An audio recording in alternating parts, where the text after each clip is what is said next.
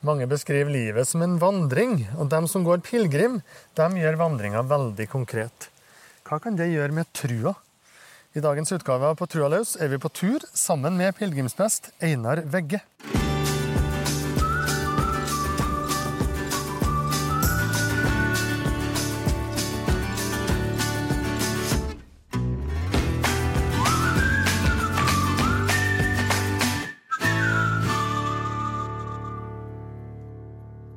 Og I dag har vi gått fram til Snefugl gård i Buvika. Det ligger midt i pilegrimsleden mot Nidaros. Og akkurat her så er det mange vandrere som tar seg en hvil. Og det har vi gjort. Einar Vegge, god dag til deg. Tusen takk for det. Ja, Du har vært med på mange pilegrimsturer. Jeg har jo det. Jeg har gått mange på egen hånd, og jeg har gått mye sammen med pilegrimsgrupper. Og har tatt imot veldig mange pilegrimer i Trondheim i Nidaros. Pilegrimsprest i Nidaros. Tidligere i år så presenterte du boka 'Inntoning', med dine refleksjoner, dine dikt om det som en sånn pilegrimsvandring kan gi. Hva er de viktigste erfaringene du har gjort deg? For meg så har det noe med at kroppen er med i bønnen, rett og slett. I det jeg vandrer mot. Og så er en erfaring knytta til denne tittelen 'inntoning' at jeg stemmer meg inn mot noe. Altså et hellig sted. Og jeg tenker jo faktisk at det også det er en, den hellige Gud som drar oss til seg. Hva er et Også- hellig sted i den sammenhengen? her? Ja, helt konkret så er det Nidarosdomen. Eh, Så det som vi regner som helligsteder i kulturen vår, i den arven vi er en del av. Og jeg syns noe av styrken med helligstedet i den forståelsen nå, at det er ikke bare min oppfatning som definerer det. Det er jo faktisk et helligsted, og i, i i Nidarosdomen har også vært et pilegrimsmål i mange århundrer, og i den forstand vært delt, definert som et helligsted. Så det er noe i kulturen, noe utenfor meg, som har bestemt det som et hellig sted. Og så er min oppgave som pilegrim å åpne for meg for det som vil kunne skje i mitt møte med dette stedet og det hellige. Mm. Akkurat her vi står nå, så er det ca. 30 km igjen Ja. til Nidarosdomen og til det hellige stedet. Det som har vært målet da, for Ja. så mange eh, opp gjennom, eh, opp gjennom historien. Eh, Vi har altså gått hit i dag, vandra Mm. i pilegrimene sin fotspor. Nå skal du få høre litt mer fra den turen.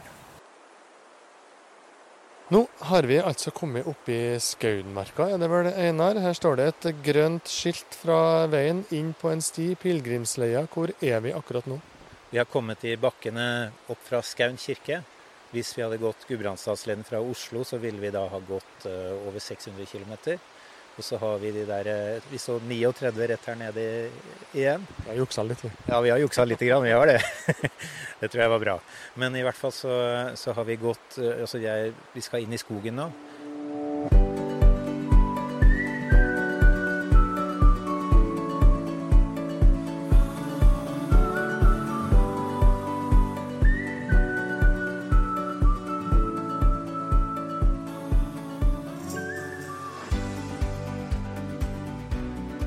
Går liksom sånn langs eh, leden her, hvordan vanlig gruppe eh, hvordan, eh, Hvor er folk hen da? Snakker dere om det som vi gjør nå, eller er folk stille, eller hvordan vil du beskrive en sånn vanlig pilegrimsvandring?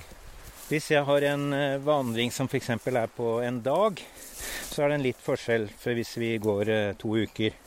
Men hvis det er på en dag, så tenker jeg at vandringen tåler ganske mye informasjon og den der kunnskapsbiten rundt det. Men når jeg, så jeg gir kanskje en introduksjon til hele pilegrimstematikken og prøver å sette den inn i en litt sånn kirkehistorisk sammenheng og en internasjonal sammenheng. Og så prøver jeg å la folk gå sammen og prate og bli litt kjent.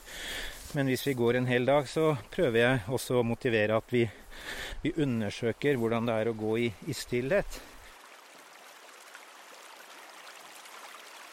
Akkurat her vi går over akkurat nå en bekk, så vet jeg at dette er et av de stedene en skal kunne finne um, en blomst oppkalt etter St. Olav, og jeg mener den heter Olavsstake.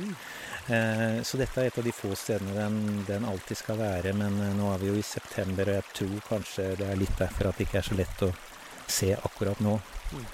Men dette er et sånt sted altså, jeg er mer en uh, type sånn følsom romantiker enn en eksakt kunnskapsmann.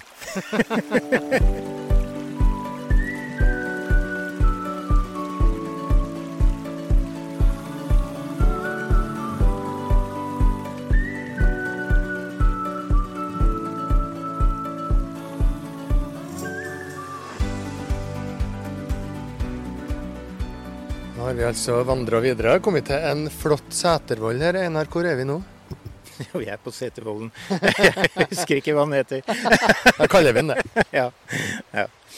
Men vi har gått i et fint landskap, og, og, nå sitter vi sånn at vi ser disse her vakre stråene utover. Men også at det begynner å bli litt høstfarger. Ikke så veldig mye.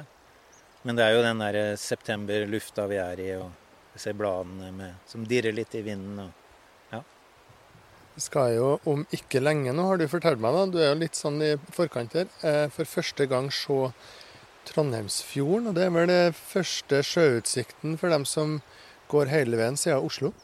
Det er det. Og det er jo veldig spesielt. Framom bøna mi venta du på meg i dragninga før eg fann nord. Du åpna havet for meg, og ikke visste jeg at det var ditt det vågesamme stykket utover, det lokkende synet bortanfor, det skjelvende møtet med alt framant. Og ikke visste jeg at alle tap av sikring i mitt eige var byrjinga på vegen heim. Framom bøna mi venta du på meg, i dragninga, før jeg fann ord.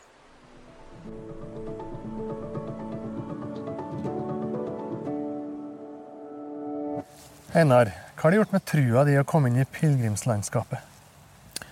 Det er en sånn sammenheng som har blitt bekrefta mellom min kroppslighet, mellom det kulturelle, hele kulturen som jeg er en del av, mm. naturen som jeg går inn i, og at dette faktisk har sammenheng med hva eh, åndelighet er, hva tro er, hva tros uttrykk kan være. Og den der helheten og den for meg friheten å komme inn i, det har vært noe av det det viktige som virkelig har gitt meg noe i, i pilegrimslivet, kan du si. Mm, du snakker om betydningen av bevegelse. Ja. ja. Fordi at uh, bevegelsen uh, nettopp ikke er stillstand, at jeg er i noe som er rettet mot noe, og som, som rommer min, uh, min, egen bevegelse, og at, at, det også rommer at ting kommer til meg utenfra. Og særlig det da at ting kommer til meg utenfra, det møter jeg i når jeg går sammen med folk, hvis jeg møter en, en vert på et pilegrimsherberge, så er det noe som skjer som, som, jeg skal være åpen for å ta imot. Eh, jeg ser alle disse fargenyansene i det grønne i naturen som vi går gjennom. I dag har jeg sett disse eh, stråene som har denne nesten rosa-gule fargen som, som, beveger seg litt i vinden. Vi har sett kornåkre.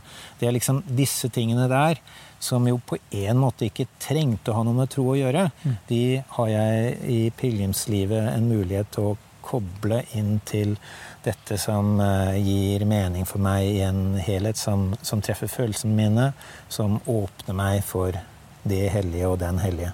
Mm. Er Gud? Ja, for Gud. Mm. Så uh, når jeg sier den hellige, så tenker jeg Gud. Og jeg tenker jo at Gud taler til meg gjennom mye mer enn Skriften da, mm. og bønnen. Mm. Sånn som jeg også er glad i at Gud taler til meg. Jeg kan mm. høre på preken, forkynnelse, jeg er glad i gudstjenesten, jeg er glad i å synge salmer. Eh, men dette tar hele min tilværelse og min kroppslighet og mine følelser og mine tanker inn i møte med noe som jeg, jeg opplever også som en gjenklang av, av det evige og noe mm. guddommelig. Mm.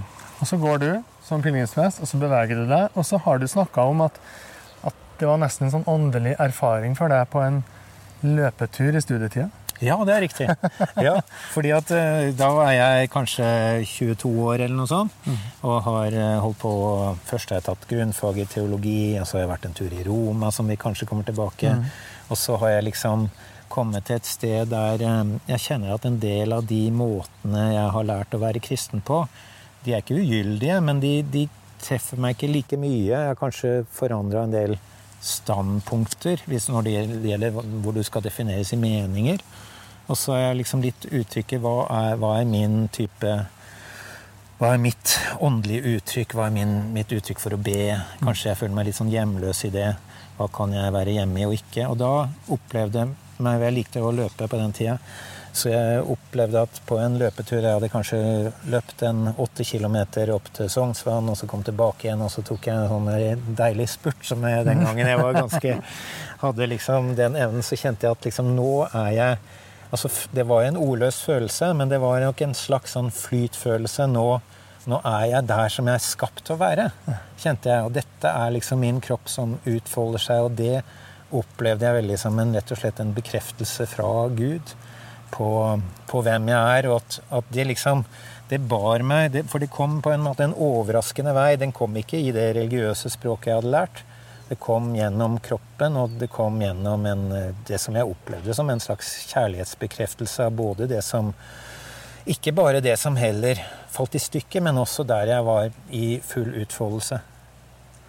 Du snakker jo om at du hadde lært ulike måter å være kristen på. Du vokste opp i Farsund. Det er ikke så lett å høre på, her, for du, du, har ikke noen klassisk jeg har, jeg har aldri hatt noen farsundsdialekt, Og det er av to grunner. Fordi at eh, min mor er østlending. Ja. Og det er også fordi at det var veldig mange innflyttere i Farsund i forbindelse med oppstarten av aluminiumverk. Og vi bodde i et boligfelt der få snakka farsundsdialekt før jeg begynte på skolen. Men der, i hvert fall uansett, da, på sørspissen av landet, ikke så langt fra Rogalandsgrensa, ja. så vokste du opp. Øh, og i en sammenheng og en familie der kirkeaktivitet og formulering av tru ikke var fremmed.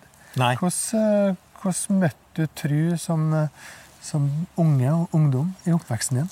Jo, jeg, jeg, jeg, vokste jo opp med tro som, som, i all hovedsak noe veldig trygt og noe veldig godt. Og jeg har også hele tida sett i mine foreldre at, at troen faktisk forma livene deres. I måten de, de møtte mennesker på. På en veldig, på veldig uh, rik måte, en god måte. Jeg så at de kunne bety mye for unge mennesker som kom og Noen ganger var de hjemme hos oss, de kom og snakka med mine foreldre. Så jeg så hva, hvilke kvaliteter som lå i dette, som du kanskje ikke har ord for alt det som barn. Men så opplevde jeg samtidig at, at uh, kulturen hadde noen former som, uh, som, jeg på en måte Jeg var nok en, en, et barn med mye samvittighet. Mm. så det var en eller annen følelse at, at denne formen for kristendomsutøvelse, altså min egen opplevelse, var ikke, var ikke alltid jeg klarte å gjøre det sånn som det helst skulle gjøres. Hvilken form var det? Ja, det var kanskje å be på en måte der jeg huska alle i forbønn, f.eks. For mm. mm. De jeg var i slekt med, de jeg var glad i. Uh, og det var mye fint med det, men det liksom på et punkt så følte jeg at jeg, jeg strakk liksom ikke helt til det som, det som, i den måten som det helst skulle gjøres på. Var det streng, tror du? Eh, moralsk så var den noen ganger litt streng. Eh, det det syns jeg nok. Eh, tankemessig så var den for meg, da, for meg åpen. Mm. Ja. Du gikk i skolelag, kristen skolelag, var leder der. Du var, fortalte meg at du var i ulike andre sånne kirkelige sammenhenger. Ble du, ble du begeistra i møte med tro? Ja, det kan jeg kjenne igjen. Mm. Jeg kan kjenne igjen det i uh, å synge kristne sanger, enten salmer eller henimot lovsang. Mm. Jeg kan uh, kjenne begeistring eller et slags sånn en, Kanskje ofte en stille begeistring, men likevel en, et sånn et intenst nærvær, et godt nærvær i forbindelse med tro. Ja. Ja. Hva var utfordringa da, hvis, det, hvis, dette ga deg kun begeistring? Nei, det kan du si. Eh, ja, det var for så vidt godt formulert. Ja. Kun begeistring. Men det sa jeg vel ikke, kanskje, nei, at det var nei, kun begeistring. Men det var godt, godt spurt. Ja. Men eh, nei, fordi at det er jo ja, Hva var problemet da? Altså, det er jo sammensatt å være menneske. Ja. Eh, så det er jo ikke sikkert at eh, det som Du har snakka om at når det ene enden var begeistring, så var det også en sånn forankringsbehov i andre enden. da. Ja, det er riktig. Og det er bra at du sier, for jeg har eh, hele tida jeg sa tanken min var fri, og det var viktig for meg. Men jeg har jo også ønska å ha et kritisk blikk, i hvert fall som voksen, så jeg formulerte det sånn også på det religiøse. Mm. Og jeg har hatt eh, Hvorfor var det viktig for deg? Jo, for jeg var i et miljø der jeg noen ganger opplevde at folk kunne få f.eks. det de påsto var åpenbaringer fra Gud, mm. som jeg syns førte ut i en litt corny oppførsel. Mm. folk kunne eh, si at gjennom bønn så fikk de kontakt med noen, altså mine jevnaldrende da, som var kanskje 16 år, 17 år, mm. kunne si at de fikk kontakt med noe som, som jeg tenkte gikk mot all sunn dømmekraft. Mm. Og så det var noe med dette her med en, en type rasjonalitet eller fornuft eller en type altså dømmekraft er tror jeg for meg det beste ordet. Som eh, jeg ikke kunne Jeg kunne ikke liksom godta, jeg kunne ikke leve godt med et sted der tro ikke var i kontakt med dømmekraft. Mm. En sunn dømmekraft.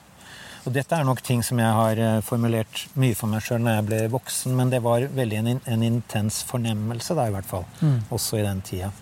Og det var vel kanskje det også som var min indre indre på en måte svinging mellom en, eh, en eh, letthet for å bli begeistra og bli engasjert av ting, men også en, et behov for å tenke grundig gjennom ting, gå kritisk inn. Alle hadde de lettvinte løsningene.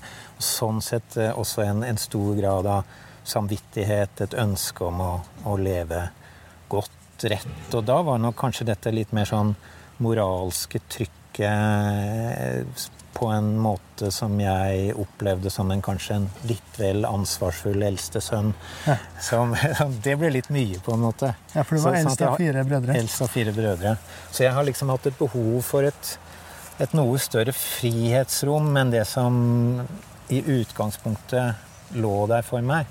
Men om det var min egen personlige begrensning som gjorde det, eller om Jeg tror kanskje også det hadde noe med at min person i den kulturen førte til at jeg trengte etter hvert noe større frihetsrom. Var det usunn tro du møtte i Farsund? Nei, stort sett ikke, vil jeg si. Nei, det, jeg, jeg, vil ikke si at det var det. Men det var noen ganger at jeg fikk disse herre Kom borti mennesker Ikke i mitt nærmeste miljø syns jeg ikke det var en usunn tro. Men det var eh, noen av de personene som kunne påberope seg disse åpenbaringene. Det var noen møter jeg var innom, men det var ikke mine primærsteder. Der jeg også så ting som jeg mente var uholdbart, usunt. Dette kan jeg ikke stå for. dette. Så jeg hadde en veldig sånn sterk fornemmelse noen ganger at hvis det gikk utover det jeg i voksen alder ville kalle min integritet, så kan ikke jeg gå for det bare fordi det heter tro. Mm. Da du var ferdig med videregående skole, mm. fremdeles i Farsund, så begynte du på bibelskole i Mandal. Ja. Det som da het for Lagets bibel- og evangeliseringssenter. Evangelisering, hall, ja. Evangelisering, misjon. Det høres jo litt offensivt ut. Var du offensiv? Ja, jeg var det. Jeg var, først og fremst så hadde jeg det godt der sånn sosialt. og det var et det var på en måte et veldig fritt sted. For vi hadde en rektor som sa at her er det ingen andre regler som teller enn at du skal ikke gjøre det som er brannfarlig, for det var en gammel trebygning. og det som, var, det, det som du sjøl skulle uh, vurdere, var moral. Men det, god, moralsk eller ikke, men, men, det tenkte jeg det ga, det ga, et frihetsrom som jeg likte. Mm. Fordi at det, det ga meg et rom for min egen vurdering. Eh, men det som jeg nok opplevde også som, som, jeg ble med på, og som jeg på en måte ble god til, det var jo å skape en fortrolighet til folk i det som vi kalte evangelisering da. Og der er det jo ting som jeg kjenner at jeg ikke er, jeg er ikke helt uh, bekvem med at jeg har vært med på det, fordi at jeg følte at jo, jeg, For det handler jo om å henvende seg til folk som ikke tror, og Prøve å overbevise dem til å tro? Ja, og så mm. skape en tillit til deg i å på en måte møte blikket ditt, et stemmeleie som gjør at nå er vi på inntona på riktig måte, og så slår jeg til, liksom. Mm. Og spør hva er ditt forhold til Jesus Kristus. Ja. Ikke sant? Det er litt karikert, men det var liksom den teknikken vi lærte, og det har jeg, det har jeg hatt kvaler med mm. seinere at jeg har vært med på. Eh, og jeg ble på en måte god til det også. for jeg at, og noen ganger så gjorde vi presentasjoner som, som var eh, ålreit, men, men, det gjør nok at særlig, særlig, når jeg ble prest seinere, sånn at jeg, jeg, har store uh, reservasjoner med å, å, spille et slags spill med folk som ikke er tvers gjennom ærlig og gjennomsiktig hele tida. Mm. Hvordan utvikla det seg etter hvert da du begynte å studere og etter hvert dro til Roma i Italia? Mm. Mm. Ja, jeg studerte i Oslo Eh, jeg hadde også tankens frihet da, fulgt med hele tida. Den var der også for meg på Hall. Mm. Eh, og gode minner og gode relasjoner også til mange fra det. Så um, hadde jeg tatt kristendom grunnfag, eh, dro til Roma for å lære litt italiensk, men også for å gjøre en innsats i den internasjonale lagsbevegelsen i et prosjekt som var det vi kaller diakonalt, altså omsorgsarbeid for fremmede i Roma. I mm. praksis så var det afrikanere i stor grad som eh, trengte et sosialt nettverk som de ikke uten videre hadde der. Så jeg hadde lært italiensk. Mm. Eh, men så oppdaga at med disse eh, som ikke hadde Altså, det diakonale prosjektet ble jo mye på engelsk. Og så møtte jeg liksom et, en stor verden av kunnskap, kunst, som jeg ble veldig dratt inn i. Jeg hadde gått på språkskole, ble kjent med folk der. Så jeg var liksom med i et sånn derre et sånn der, Jeg hadde et voldsomt sånn læringssug. Mm. Jeg hadde også eh, ville lære det italienske. Og så, og så var det den internasjonale lagsbevegelsen som akkurat i Roma i den tida ble styrt veldig mye ut fra en brødremenighet, som jeg oppfatta hadde et veldig sånn Det reagerte jeg veldig sterkt kroppslig på da, at et, et snevert en snever kulturforståelse, samtidig som det var en veldig engasjert Jesus-tro og åndstro, Mm. men som brakte meg ut i mange konfrontasjoner, liksom. Hva var det jeg skulle stå for i dette? Mm. Det har vært Ja. viktig for deg det her, å hele tida kjenne at du står for noe. Ja, jeg tror nok det. Mm. Eller i hvert fall å, å vite at jeg har en slags integritet i det jeg møter. At jeg, at jeg ikke er på falske premisser, på en måte. Ja. Ja. Mm. Tenker du nå at det har at, at man går glipp av noen ting i trua, når man er så på jakt etter på en måte det, det kontrollerte, det som er, har integritet for deg sjøl? Det, det er et godt spørsmål, og det kan hende. Men jeg har jo samtidig som jeg har hatt det, så har jeg hatt en veldig stor åpenhet. Altså for jeg er en åpen person. Jeg, Førsteinntrykket mitt med mennesker og nye erfaringer er åpent. Og så er liksom spenningen min at jeg Og jeg har veldig lett for å bli begeistra, egentlig. Mm. Så spenningen er liksom å både ha den mottageligheten, den ganske store mottageligheten, og samtidig dette behovet for å, å, og, ha integritet og vite at det er solid nok, og vite at, at det tåler eh, Ja, at det tåler både tidens stand, kan du si, da, men at det tåler eh, konfrontasjon, det jeg Mm. står i. Det tåler motstand. Du snakka om læringssug. Det, det levde jo virkelig ut i studere teologi, og samtidig også studere idéhistorie. Og så som ferdigutdanna prest da, og som nygift ektemann med din Ragnhild, som i dag er biskop i Bergen, så fikk jeg sagt det også, så dro du til Hedmarken, Ja. til Åmot som sogneprest. Og ei bygd i Åmot har jo navnet Åsta. ja. Og for mange så er jo det et kjent navn, fordi at der i januar 2000 så kjører to tog mot hverandre, kolliderer, 19 menneskeliv går tapt i Mm. Åsta, der du er sogneprest. Hvordan opplevde du det? Jeg syns det var eh, forferdelig. Eh, Så det er på en måte Og jeg kjente jo også godt familie som ble veldig veldig hardt ramma, som mistet En av mine kolleger mista sin datter i ulykka. Eh, Så vi, vi var veldig, veldig berørt. Hele samfunnet var berørt. Så det er jo det, det ene. Eh, Jeg var en ung prest, 32 år. Eh, Hadde en god prost, Sevat Lappegard. Vi måtte lage en offentlighetens minnegudstjeneste på to-tre dager. ikke Mm. sant? Så, så, så å være, være der eh, mennesker hadde opplevd det verste som kunne skje.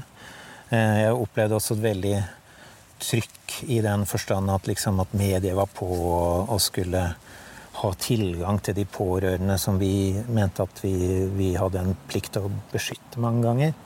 Eh, Så det var mange sånne typer spenninger å stå i.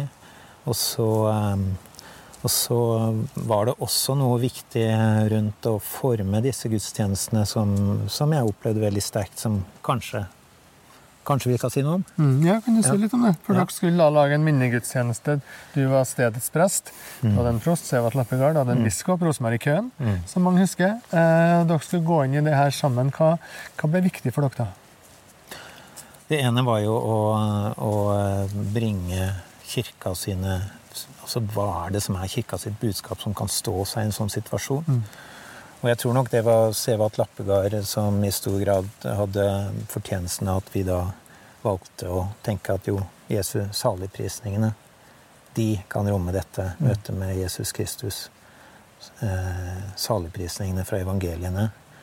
Og så husker jeg veldig godt at vi jobba med hvilke salmer skal vi bruke, hvilke sanger skal vi bruke. Og da slo det plutselig ned i meg, og det tenker jeg var Guds ånd. Mm. Og det bygde på en erfaring jeg hadde hatt med en familie der, med at denne vinden ble synda, og vinden ble snora, danse med vise gråten min sang. Mm. Den skulle vi bruke som en fellessalme som var Skjæråsen sin salme, og som tok liksom det lokale eh, måten å, å tro på, Mm. kan vi godt si. Mm.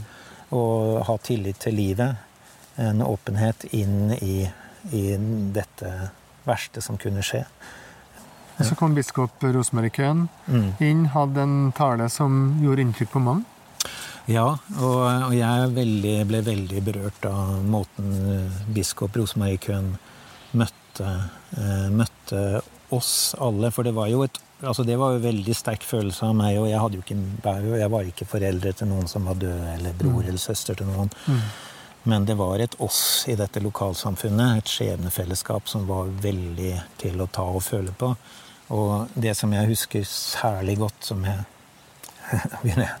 Jeg begynner alltid å gråte når jeg forteller. Med biskop Rose var jo at, at eh, jeg hadde hatt mange andre opplevelser og sant, i utdanningen som prest. altså Vi tenker mye gjennom det. Hva skal du si når ting er det aller verste skjer? Og da er det en del også prester og biskoper og andre som også bruker ord som meningsløst. Og, og det, det oppleves jo veldig sant. Men Rosmarie Rosemarie Köhn eh, turte å snakke om Jesus. At Jesus som det sanne mennesket er den som møter oss. Jesus som har gått gjennom alt. Så, så av henne, som også ennå var en biskop som ikke alle i det kristne Norge kunne liksom helt tro på hennes Kristustro, for å si det sånn, så er hun det mennesket i verden som jeg liksom virkelig har sett at Jesus Kristus var forankringen der det trengtes aller mest. Du hadde vært mange år i et miljø der man søg til seg kunnskap, lest om de gamle tenkere, og, og, og nå havna du midt i realiteten. Hva, hva gjorde det her erfaringa med trua di?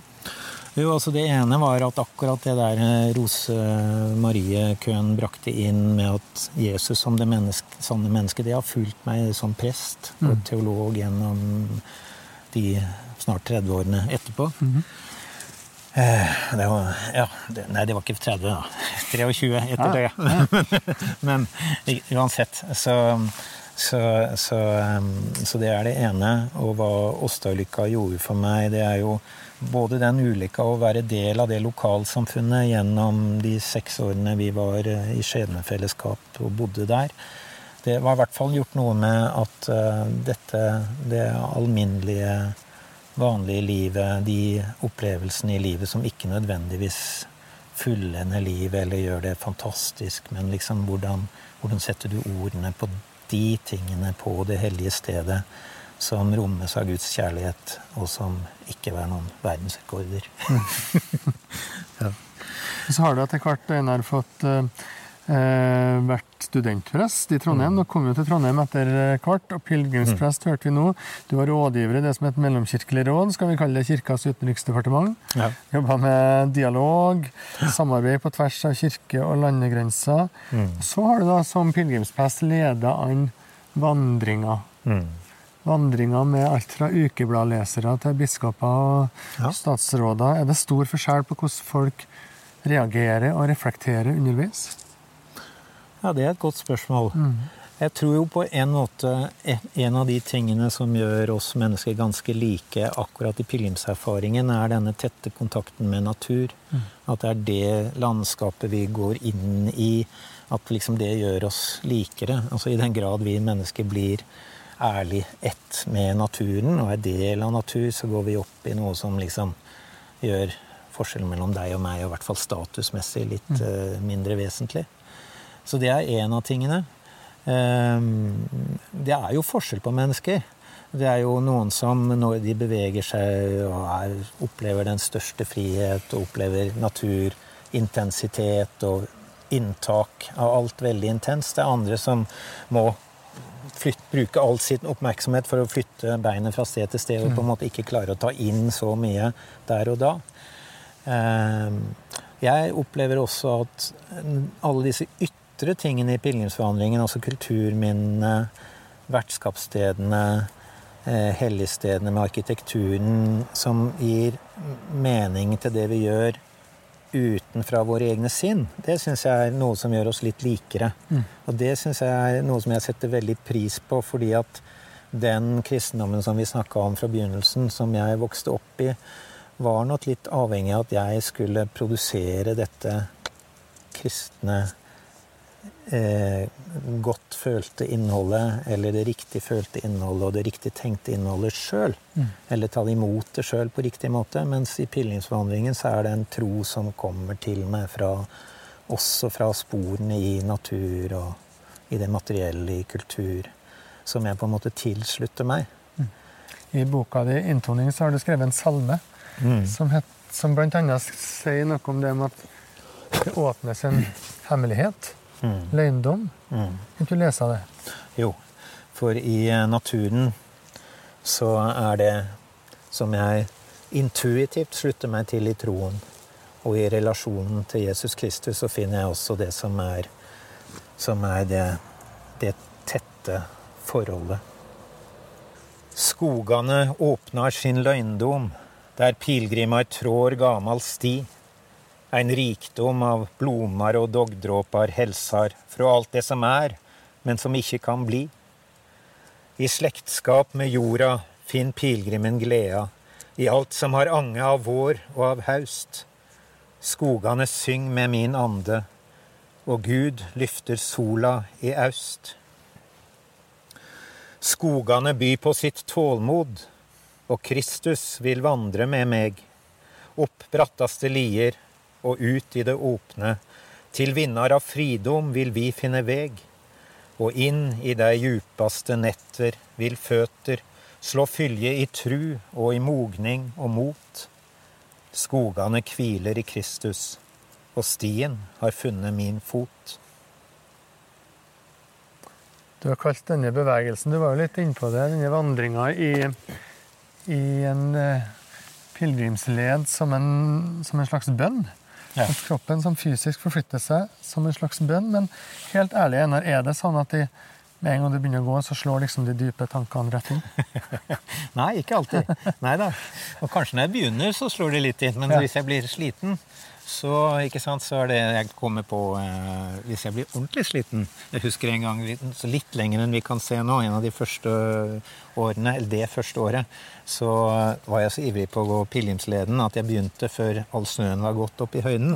Så da mellom skauen og, eh, og her vi står nå, så kom jeg, eller særlig før skauen, da, så kom jeg opp i området der det var ganske djup snø, så jeg måtte vasse til låra.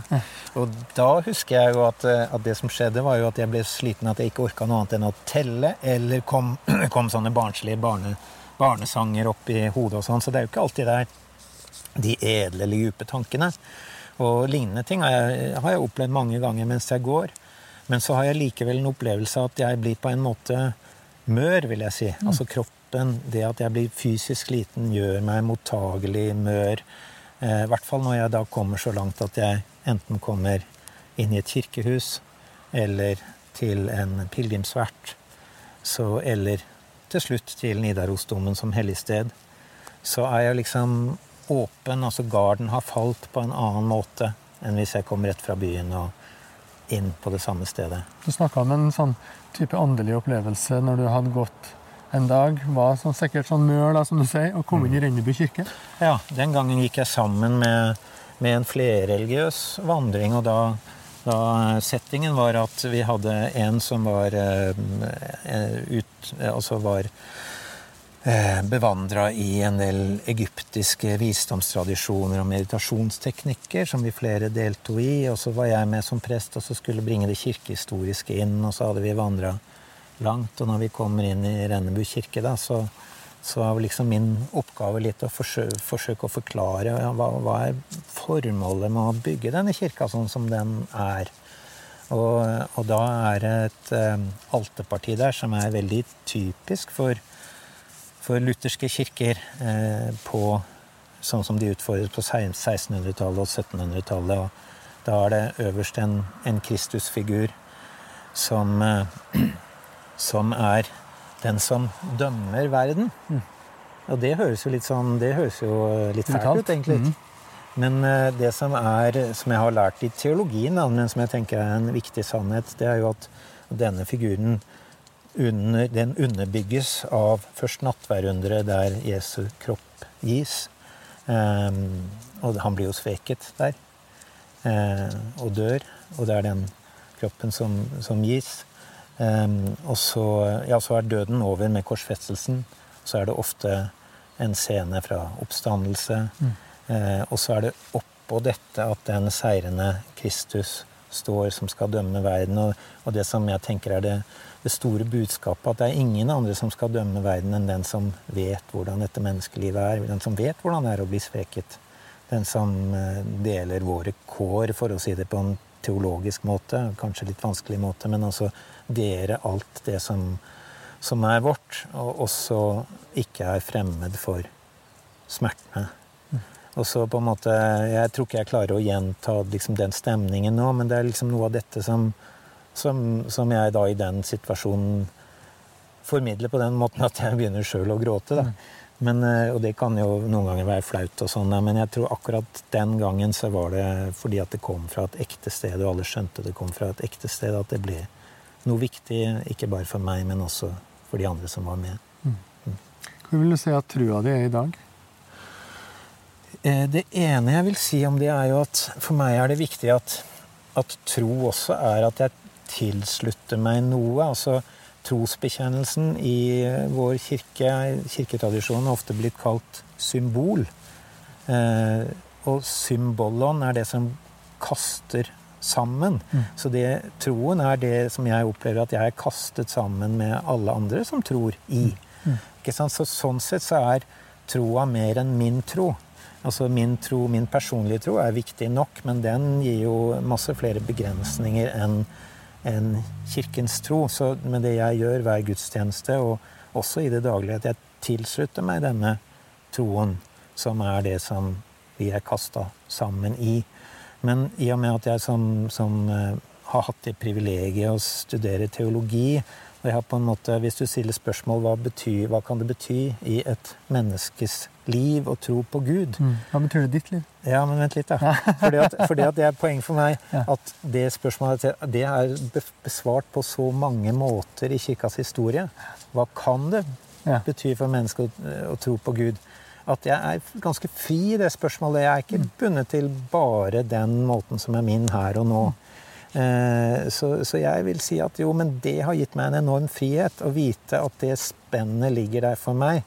Og det er det som er liksom forskjellen på min tenåringstro, som da trengte et større rom, som var verdifullt på alle måter, og det at det som Ja, må jeg si jeg er privilegert, for jeg tenker som, som, prest og teolog og et voksent menneske at, at jeg har så et, et, enormt rom i den troa å gå inn i. For jeg mener at det er mange, så mange legitime veier til hvordan mine følelser kan forbinde seg med dette som er kirkens tro, hvordan min tanke kan forbinde seg med det, hvordan min kropp da, som pilegrim kan forbinde seg med det. Så sånn sett er min tro Og da skal jeg svare på de spørsmålene. Min, min tro kjenner jeg som har blitt veldig, veldig fri. Den kan bevege seg veldig vidt. Den kan bevege seg veldig fritt. Den kan verdsette det jeg opplever som en intuitiv tro i møte med dette gresset som vi har sett i dag. Den kan verdsette det mitt indre bilde av Jesus som lider.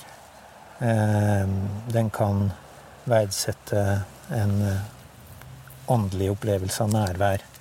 Den kan verdsette å ta imot sakramentet i nattverden. Og som prest så får jeg også oppleve Det er nok viktig for meg at pilegrimer som jeg får være nær det er ikke alltid jeg hører så mange ord, men jeg får velsigne de som vil bli velsigna når de kommer i Nidarosdomen. Og så merker jeg noen ganger et uh, fuktig øyne eller en liten tåre, og så vet jeg ikke alt som ligger i det. Men da tenker jeg dette rituellet, at jeg kan være her med deg og har den, det privilegiet å være prest og legge hånda på hodet ditt eller skuldra di og velsigne deg på Guds vegne, og vite at nå treffer det hellige ditt liv, det er det er utrolig stort. Mm. Einar Vegge, tusen takk skal du ha.